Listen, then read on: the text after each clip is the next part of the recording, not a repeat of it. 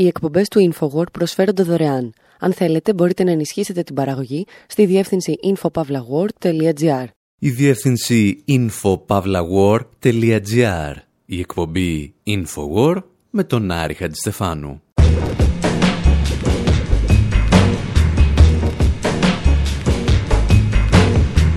Όπου σήμερα αναρωτιόμαστε τι σχέση μπορεί να έχει το βαθύ κράτος των Ηνωμένων Πολιτειών με την ταινία «Στάσου πλάι μου» και τον Μόργαν Φρίμαν.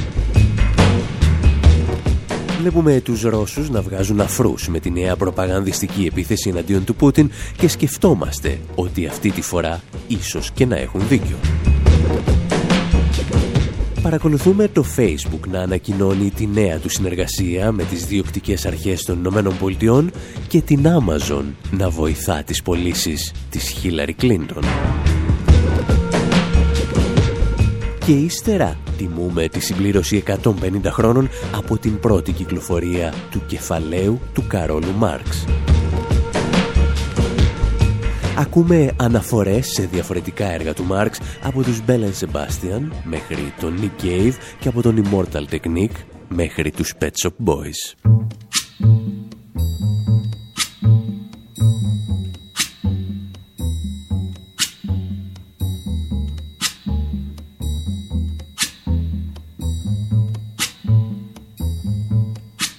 When the night has come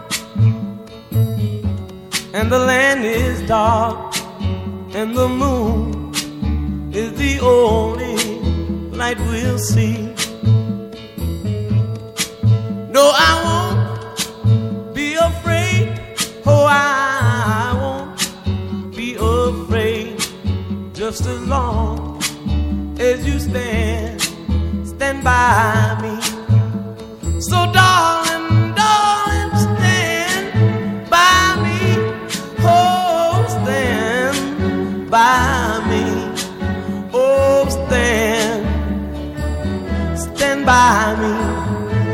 By me. If the sky that we look upon should tumble and fall, or the mountain should crumble to the sea,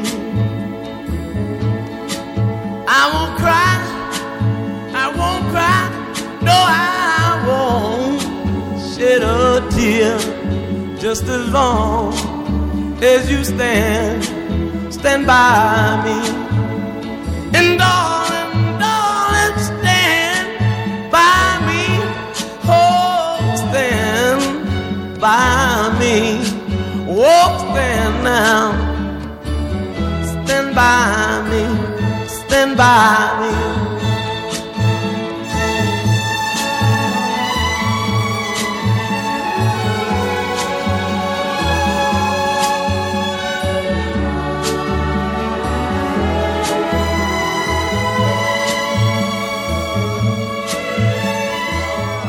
Ben King τραγουδά το περίφημο Stand By Me, ένα τραγούδι που λέγεται ότι ξεκίνησε σαν gospel ύμνος και έφτασε να διασκευαστεί περισσότερες από 400 φορές. Ένα τραγούδι που έγινε ευρύτερα γνωστό από την ομότιτλη ταινία «Στάσου πλάι μου». Και από όλη αυτή την ιστορία, εμάς μας ενδιαφέρει μόνο ο σκηνοθέτης της ταινίας, Rob Reiner, ένας κατά την άποψή μας βαρετός, γλυκανάλατος σκηνοθέτης που μεταξύ άλλων έχει υπογράψει και ταινίες όπως το «Όταν ο Χάρη γνώρισε τη Σάλη». Ο Ράινερ χαρακτηρίζεται φιλελεύθερος ακτιβιστής, κυρίως δηλαδή δίνει μάχες εναντίον του καπνίσματος, ενώ στις προεδρικές εκλογές γίνεται μαζορέτα του εκάστοτε υποψηφίου των Δημοκρατικών. Και φυσικά η τελευταία του αγάπη ήταν η Χίλαρη Κλίντον. Ανάμεσα στα πιο πρόσφατα κατορθώματά του πάντως ήταν η δημιουργία μιας οργάνωσης με τον βαρύγδουπο τίτλο Committee to Investigate Russia, η Επιτροπή για τη Διερεύνηση της Ρωσίας.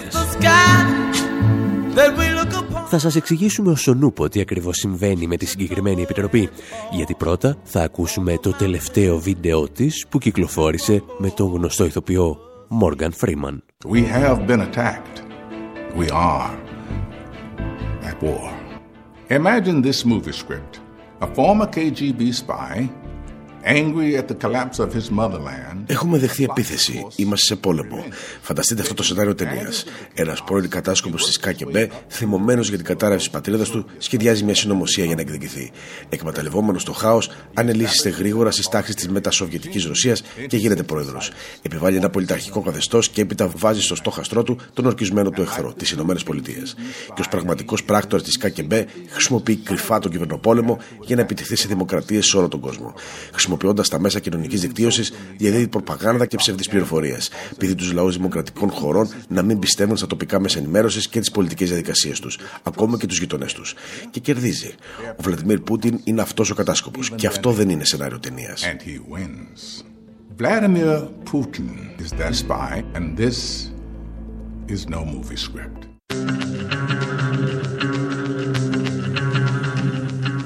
Σύμφωνα λοιπόν με τον Μόργαν Φρίμαν, ο Πούτιν ζει σε άρνηση. Δεν αποδέχθηκε ποτέ την κατάρρευση της Σοβιετικής Ένωσης και έτσι αφιέρωσε τη ζωή του στο να τιμωρήσει τις Ηνωμένες Πολιτείες. Προφανώς ο Φρίμαν έχει απόλυτο δίκιο όταν καταγγέλει τον Πούτιν για αυταρχισμό.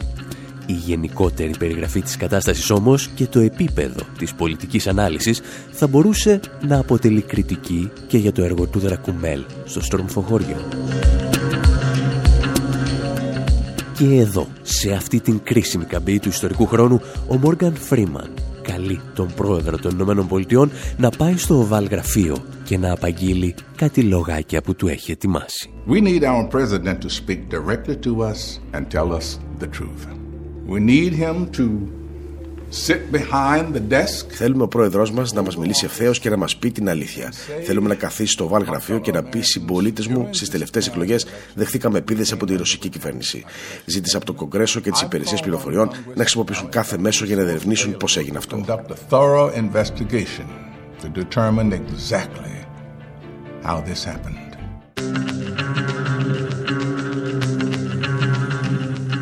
Ο Μόργαν Φρίμαν λοιπόν αναπαράγει αμάσιτα όλα τα επιχειρήματα που χρησιμοποιεί η Χίλαρη Κλίντον όταν προσπαθεί να εξηγήσει πώς κατάφερε να χάσει τις εκλογές ακόμη και από τον Ντόναλτ Τραμπ.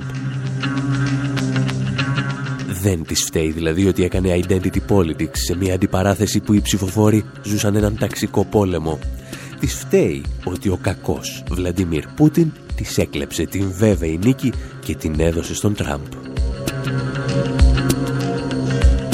Ο Μόργαν Φρίμαν όμως συνεχίζει και φτάνει σε ένα μοναδικό κρεσέντο. Στο σημείο αυτό μπορείτε αν θέλετε να σηκωθείτε όρθιοι και να τυλιχτείτε με την αστερόεσα. The free world is counting on us for leadership. Ο ελεύθερο κόσμος βασίζεται στην ηγεσία μας. Εδώ και 241 χρόνια η δημοκρατία μας είναι ένα λαμπρό παράδειγμα για τον κόσμο που φιλοδοξούμε να έχουμε. Και αυτό το χρωστάμε στους ταραλέου ανθρώπους που πολέμησαν και πέθαναν για να προστατεύσουν αυτό το μεγάλο έθνος και για να σώσουν τη δημοκρατία. Χρωστάμε στι επόμενες γενιές να συνεχίσουμε τη μάχη.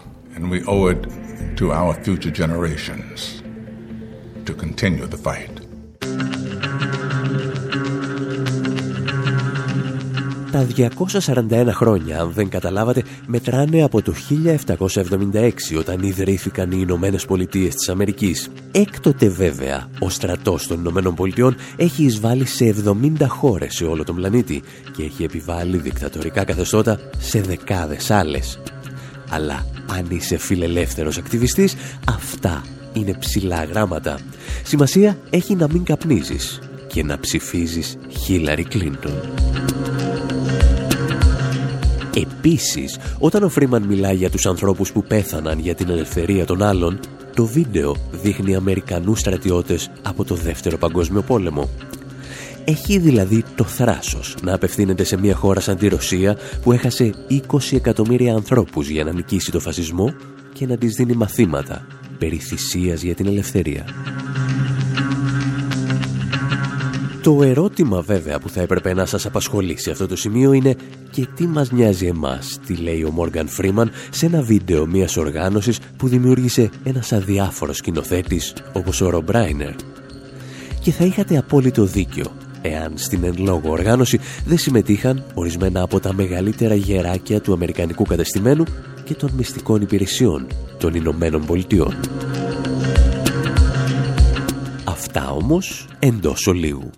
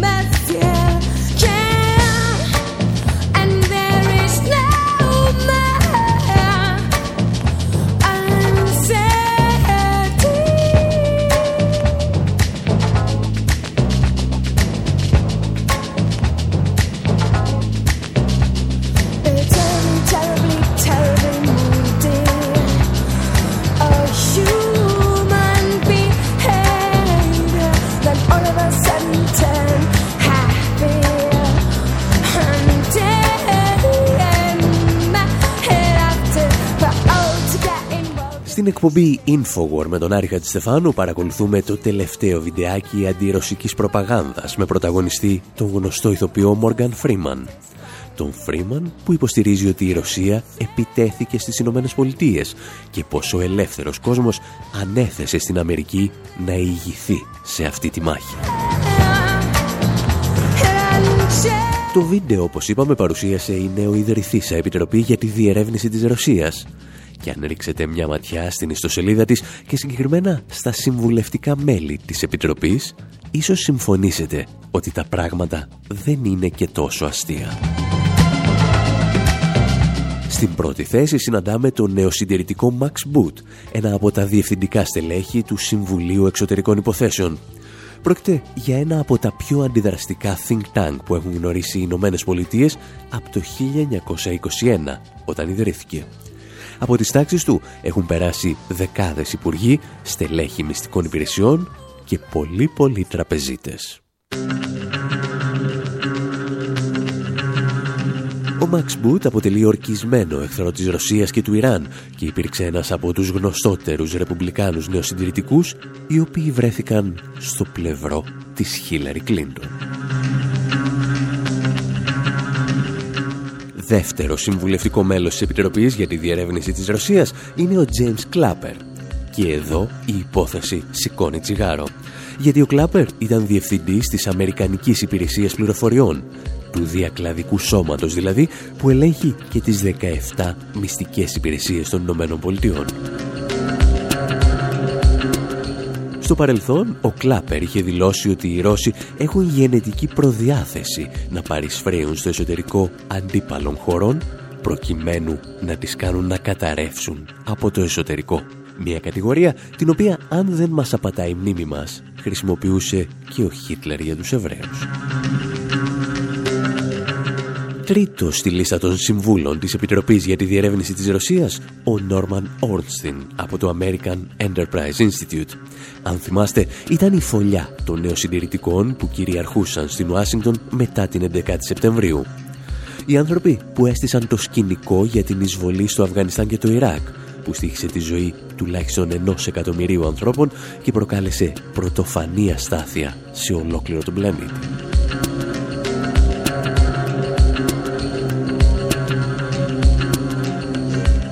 Η λίστα βέβαια δεν τελειώνει εδώ, αλλά λέμε να μην σας κουράζουμε άλλο με νεοσυντηρητικούς ερευνητές και στελέχη μυστικών υπηρεσιών που προετοιμάζουν το έδαφος για μια στρατιωτική αντιπαράθεση με τη Ρωσία. Επειδή όμως και ο χρόνος που επελέγει για να κυκλοφορήσει το βίντεο με τον Morgan Freeman δεν είναι τυχαίος, θα θέλαμε να σας πούμε δύο ακόμη κουβεντούλες ύστερα από αυτό.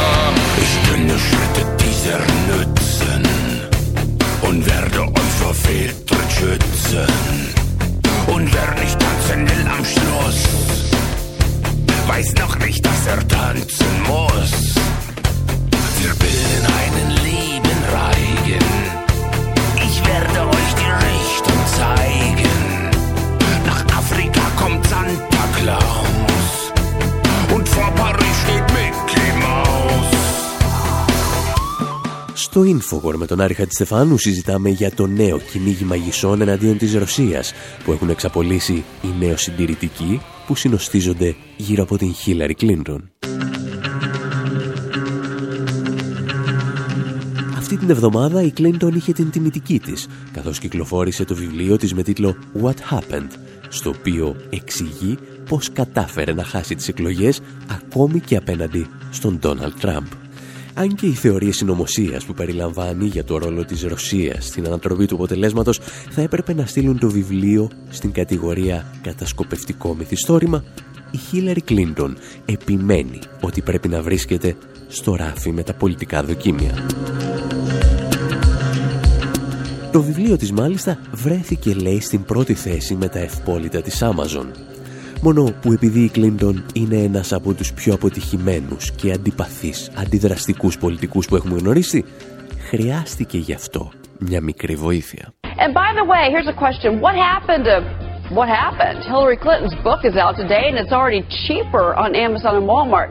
The price has been reduced by 40% down to Από την πρώτη μέρα της κυκλοφορίας, οι μεγάλες αλυσίδες βιβλιοπολίων έριξαν την τιμή κατά 40% απόδειξη, πιστεύουμε, για το πόσο άπατο πίστευαν ότι θα πήγαινε το βιβλίο. Και ύστερα συνέβη κάτι μαγικό. Καθώς χιλιάδες πολίτες έμπαιναν στο site της Amazon και έβριζαν την Hillary Clinton, η εταιρεία αποφάσισε να διαγράψει χιλιάδες αρνητικά σχόλια για το βιβλίο και να κρατήσει μόνο τα θετικά. There's a new report, and it claims Amazon hid negative reviews of Hillary Clinton's latest book. The book is called What Happened. Simplify this list. Η υπόθεση θα μπορούσε να είναι αστεία, αλλά πιστεύουμε ότι μας δίνει μια πρόγευση του ψηφιακού μας μέλλοντος. Κάποιοι επιχειρούν να στήσουν μια νέα εικονική πραγματικότητα με βάση το επιχείρημα της Κλίντον ότι η Ρωσία έχει επιτεθεί στις Ηνωμένες Πολιτείες και επηρέασε το αποτέλεσμα των εκλογών. Καθώς δεν έχουν σχεδόν κανένα στοιχείο για να το αποδείξουν, βάζουν διάσημους ηθοποιούς όπως ο Μόργαν Φρίμαν να το πούν ώστε να γίνει viral στο ίντερνετ.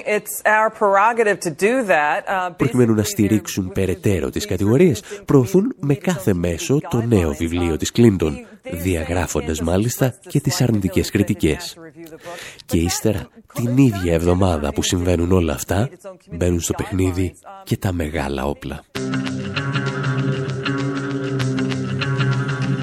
Σε ένα μήνυμα του που θύμιζε περισσότερο διάγγελμα προς το έθνος, ο δημιουργός του Facebook, Mark Zuckerberg, ανακοινώνει ότι στο εξής θα ελέγχει όλες τις διαφημίσεις από τη Ρωσία και θα στέλνει τα στοιχεία στις Αμερικανικές αρχές και το Κογκρέσο. We are actively working with the US government on its ongoing investigations into Russian interference. We've been investigating this for many months now.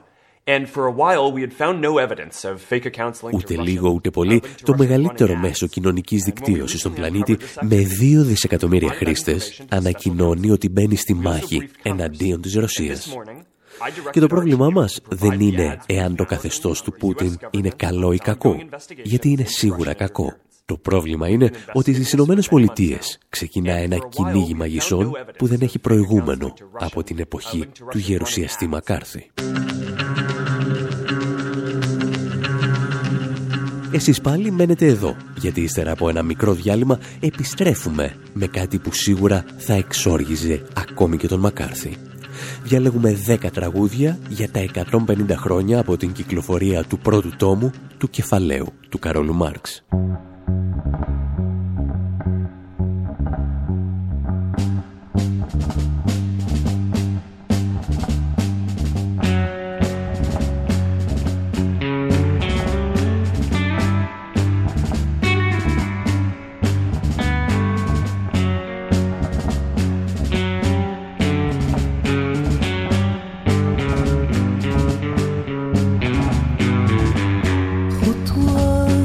أصبح أكبر وخطوة تصبح أصغر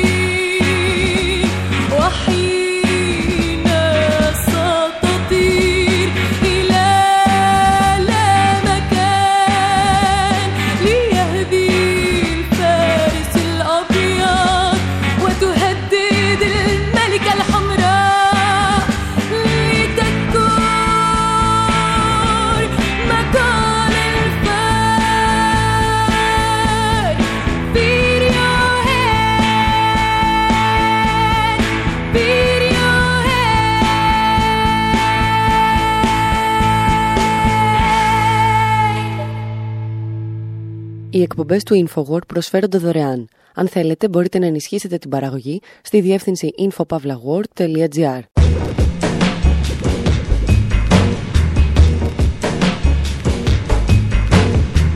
Η εκπομπή Infowar με τον Άρη Χατζηστεφάνου.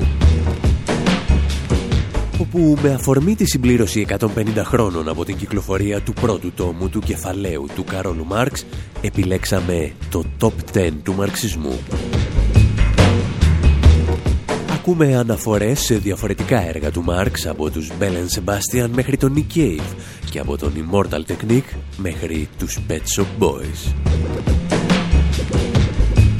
Συζητάμε για συγκροτήματα που δεν έχουμε ξανακούσει στη ζωή μας και τραγουδιστές που δεν φανταζόμαστε ότι θα είχαν αναφορές στο έργο του μεγάλου Γερμανού διανοητή και ξεκινάμε με ένα τραγουδάκι που γράφτηκε πριν από μερικά χρόνια για να βοηθήσει, λέει, τους μαθητές στη μελέτη του μαρξισμού.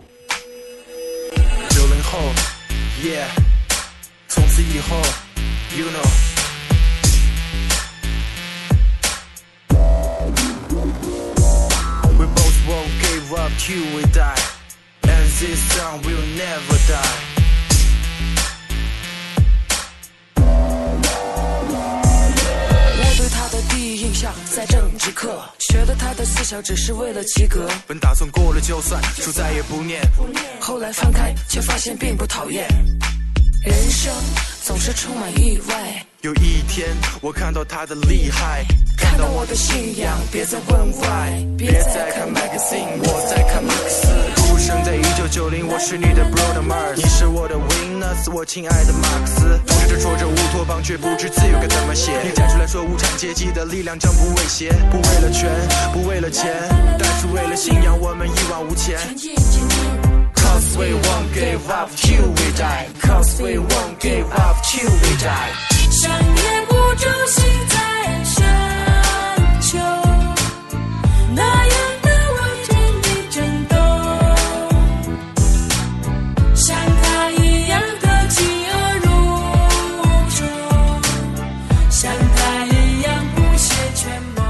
Καλά το είχαν ξεκινήσει οι Κινέζοι ράπερ, αλλά επειδή στο σημείο αυτό το τραγούδι αρχίζει να θυμίζει το κρασάκι του τσου, σκεφτήκαμε να παρέμβουμε.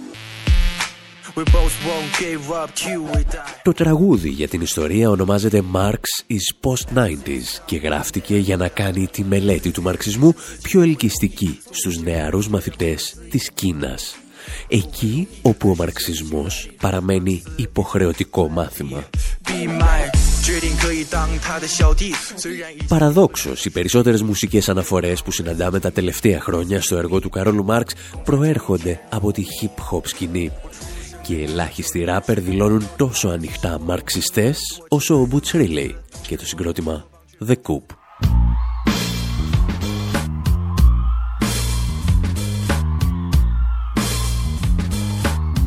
Presto, read the Communist Manifesto, gorillas in the mix, of the Guevara and Manesto. So, What a brother with an afro now. yo, go flow for the Mac, and we the hoes so grow, cause the Lucian brothers might get home. Rhetoric flowing from the tip of my mouth, say tongue deficit. Money spent Catch the glint. on my nine as they cut welfare 25%. And I dissent as I clench and raise my We fist. did away with that. So you could get with this. It's a twist, cause we'll overthrow like Kwame and Kuma. Spread around the wealth as if it were a vicious rumor. Bam, cuts a record like a surgeon cuts a tumor from a brain. We're all cooped up, so feel the pain. From 400 years of exploitation, anesthesia provided by your local TV station. Patience is not a virtue. I ain't waiting. Turning shit over like Bush did a boatload of hate.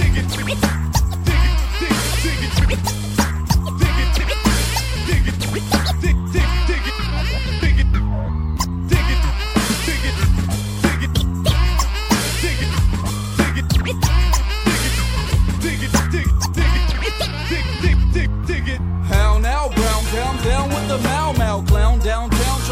Try to put us in a dog pound like A-Trap Brown with the situation. Broken, no calluses. Uh, Uh. Cause we're spitting dialectical analysis. So how is this? We never had no funk until you found out that our trunks are revolutionary, huh? Chump. Bump you over like dominoes, rat. So free Geronimo. Θα χρειαζόμασταν μια ολόκληρη εκπομπή για να παρουσιάσουμε όλες τις αναφορές που έχει το συγκεκριμένο τραγούδι σε επαναστατικά κινήματα των τελευταίων αιώνων. Μας αρκεί όμως ότι ξεκινά με μια αναφορά στο κομμουνιστικό μανιφέστο και τον Ερνέστο Τσεγκεβάρα. Cherokee. But that ain't nothing new.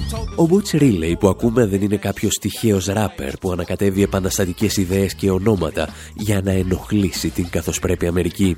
Σε όλες του τις συνεντεύξεις κάνει μικρές ή μεγαλύτερες αναφορές στην πάλη των τάξεων και άλλες ιδέες που επεξεργάστηκε ο Κάρολος Μάρξ.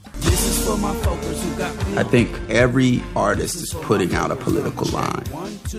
I think politics is just how you look at the world. Πιστεύω ότι κάθε καλλιτέχνης εκφράζει μια πολιτική θέση. Η πολιτική είναι απλά το πώς βλέπεις τον κόσμο. Ποτέ δεν πίστεψα ότι η απάντηση στον καπιταλισμό είναι το να μην αγοράζεις πράγματα.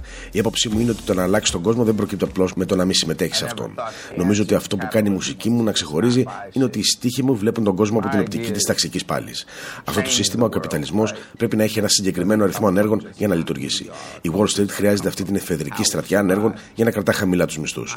Έχω πολύ συγκεκριμένες πολιτικές απόψεις για το τι πιστεύω ότι μπορεί πραγματικά να αλλάξει τα πράγματα. Θα ήθελα να έχουμε έναν κόσμο που ο λαός ελέγχει δημοκρατικά το πλούτο που παράγουμε με την εργασία μας. Πάντα έλεγαν ότι ένα κίνημα χρειάζεται την τέχνη. Νομίζω η τέχνη χρειάζεται ένα κίνημα. It's always being said that a movement needs art. I think art needs a movement.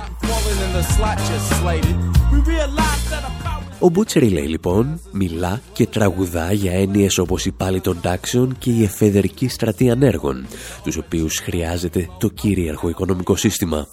Ιδέες δηλαδή και σκέψεις που παρουσιάζει στα τραγούδια του και ο Immortal Technique.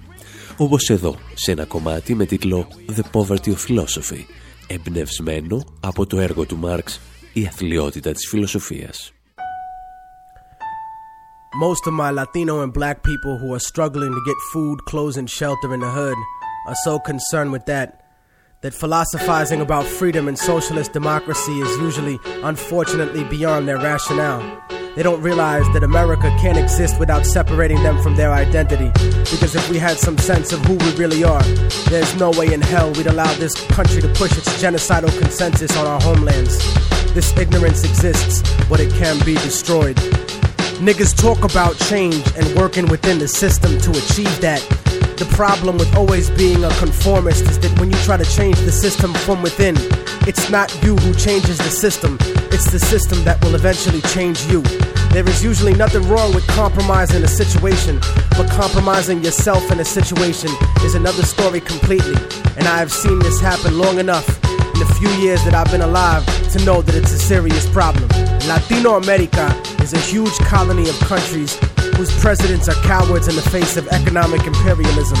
You see, third world countries are rich places, abundant in resources, and many of these countries have the capacity to feed their starving people and the children we always see digging for food and trash on commercials. But plutocracies, in other words, a government run by the rich, such as this. Ο Immortal Technique λοιπόν δανείζεται στοιχεία από το βιβλίο «Η αθλειότητα της φιλοσοφίας» για τα τραγούδια του. Σε εντελώς διαφορετικούς ρυθμούς, λίγο παλιότερα το συγκρότημα Bell Sebastian ανακάτευε μια ερωτική ιστορία με αποσπάσματα από το κομμουνιστικό μανιφέστο. Και ο τίτλος του τραγουδιού «Marx and Engels».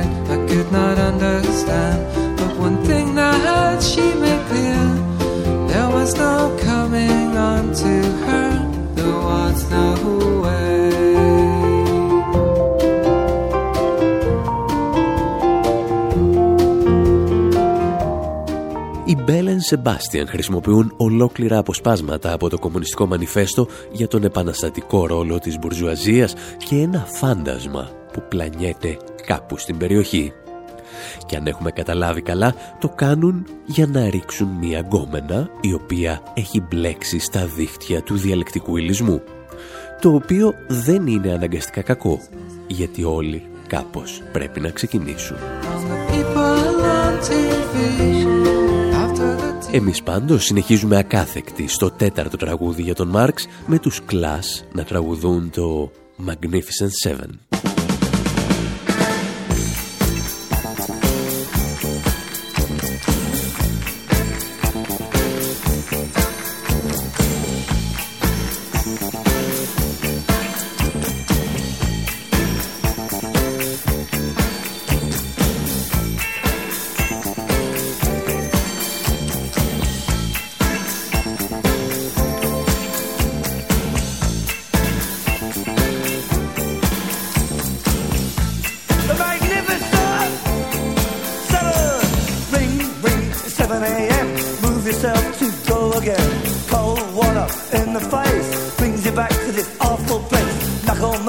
Your bankers too. Must get up and learn those rules. Weatherman and the crazy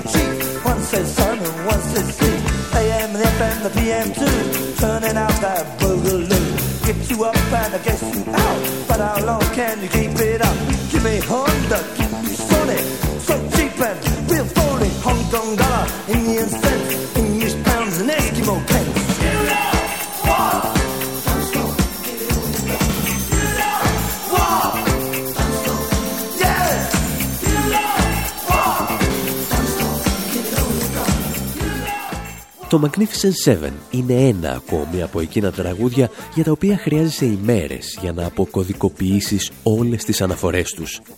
Εμάς απλώς μας τράβηξε την προσοχή εκείνος ο στίχος που λέει ότι ο Μάρξ και ο Έγγελς βρέθηκαν στο ταμείο ενός σούπερ μάρκετ. Και ενώ ο Μάρξ ήταν πανέξυπνος, ήταν και απένταρος. Και έτσι τον λογαριασμό πλήρωσε ο Έγγελς το οποίο, αν το καλοσκεφτείτε, δεν απέχει και τόσο πολύ από την αληθινή σχέση των δύο μεγάλων διανοητών σε ό,τι αφορά τα χρήματα. Έχουμε φτάσει αισίως στην πέμπτη θέση του σημερινού Top 10 για τον Κάρολο Μάρξ με τον Nick Cave να θερινεί για τον υπέροχο κόσμο που χάνεται. There she goes, my beautiful world.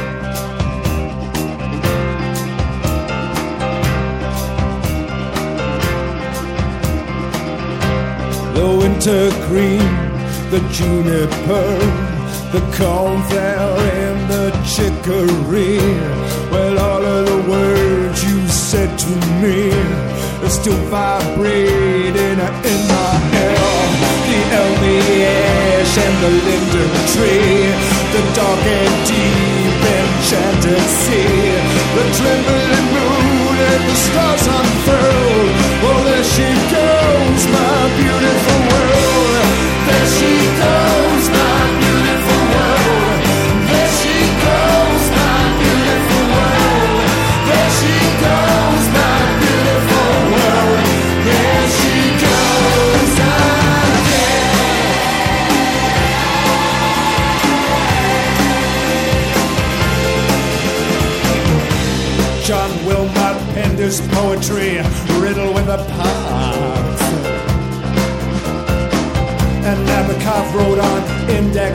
to the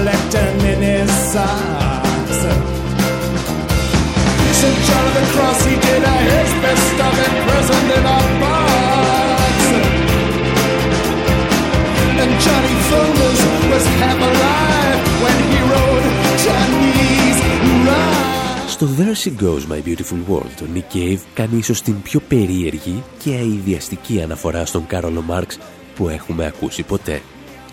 Ο Μάρξ, λέει, καθώς έγραφε το κεφάλαιο, πίεζε τα σημάδια του ψευδάνθρακα στα χέρια του. Όπου ψευδάνθρακας είναι μια δερματική νόσος που θυμίζει τον καλόγυρο. Για την ακρίβεια, είναι μια λίμωξη τερχικών θυλάκων που γυπνιάζουν. Και αν νομίζετε ότι ο Νίκ Cave τα έχει χάσει, να σας θυμίσουμε ότι ο Κάρολος Μάρξ έπασχε πράγματι από μια πολύ σοβαρή δερματική πάθηση, η οποία πιθανότατα και να ήταν ψευδάνθρακας. Για την ιστορία πάντως, ο Νίκ Cave στο τραγούδι του αναφέρεται σε ορισμένους από τους μεγαλύτερους δημιουργούς της ιστορίας και την σχεδόν αυτοκαταστροφική αφιέρωσή τους στο έργο τους. Εμείς πάλι προχωράμε ευθύς αμέσως στο επόμενο κομμάτι του σημερινού Top 10 με τους Randy να τραγουδούν Karl Marx and History.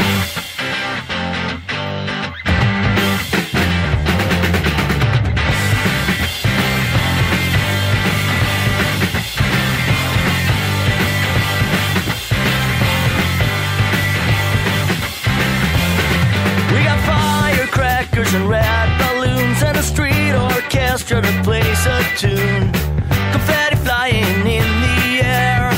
A lot of people are gathered here. We got placards, posters, and stickers too. And reggae music by Jabby U. We got red flags, black flags, and flags with stars. We got slogan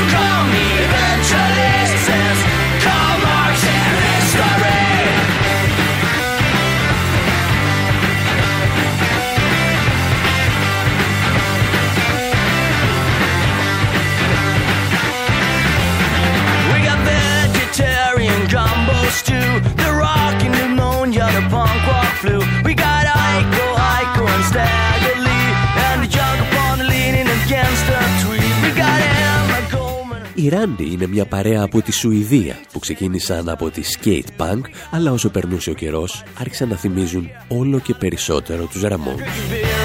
Speak about future. Όσο για το συγκεκριμένο τραγούδι, είναι μια οδή στην αισιοδοξία. Γιατί ο καιρός λέει θα αλλάξει και τα μαύρα σύννεφα θα φύγουν. Αυτό μας δίδαξε ο Κάρολος Μάρξ και η ιστορία. Και επειδή ήρθαμε μέχρι τη Σουηδία, δεν μπορούμε να μην κάνουμε μία αναφορά και στους International Noise Conspiracy και το τραγούδι Capitalism Stole My Virginity. Ο καπιταλισμός μου έκλεψε την παρθενία.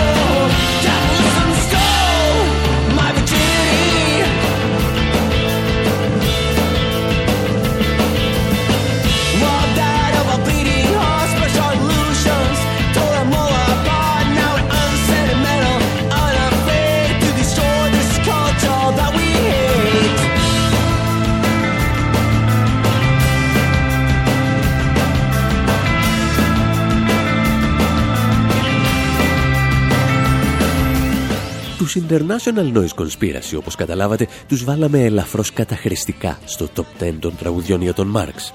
Γιατί μπορεί να μην αναφέρονται στον ίδιο τον συγγραφέα του κεφαλαίου, αλλά είμαστε σίγουροι ότι αυτός θα σιγομουρμούριζε κάτι από τα τραγούδια τους.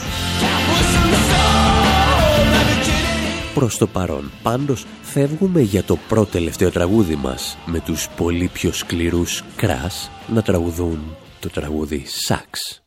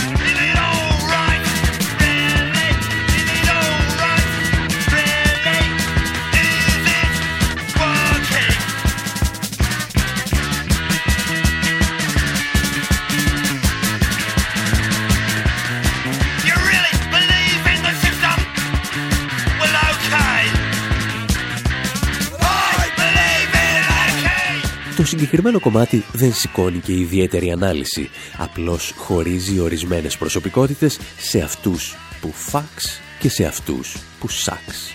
Δηλαδή στους γαμάτους και τα μπάζα.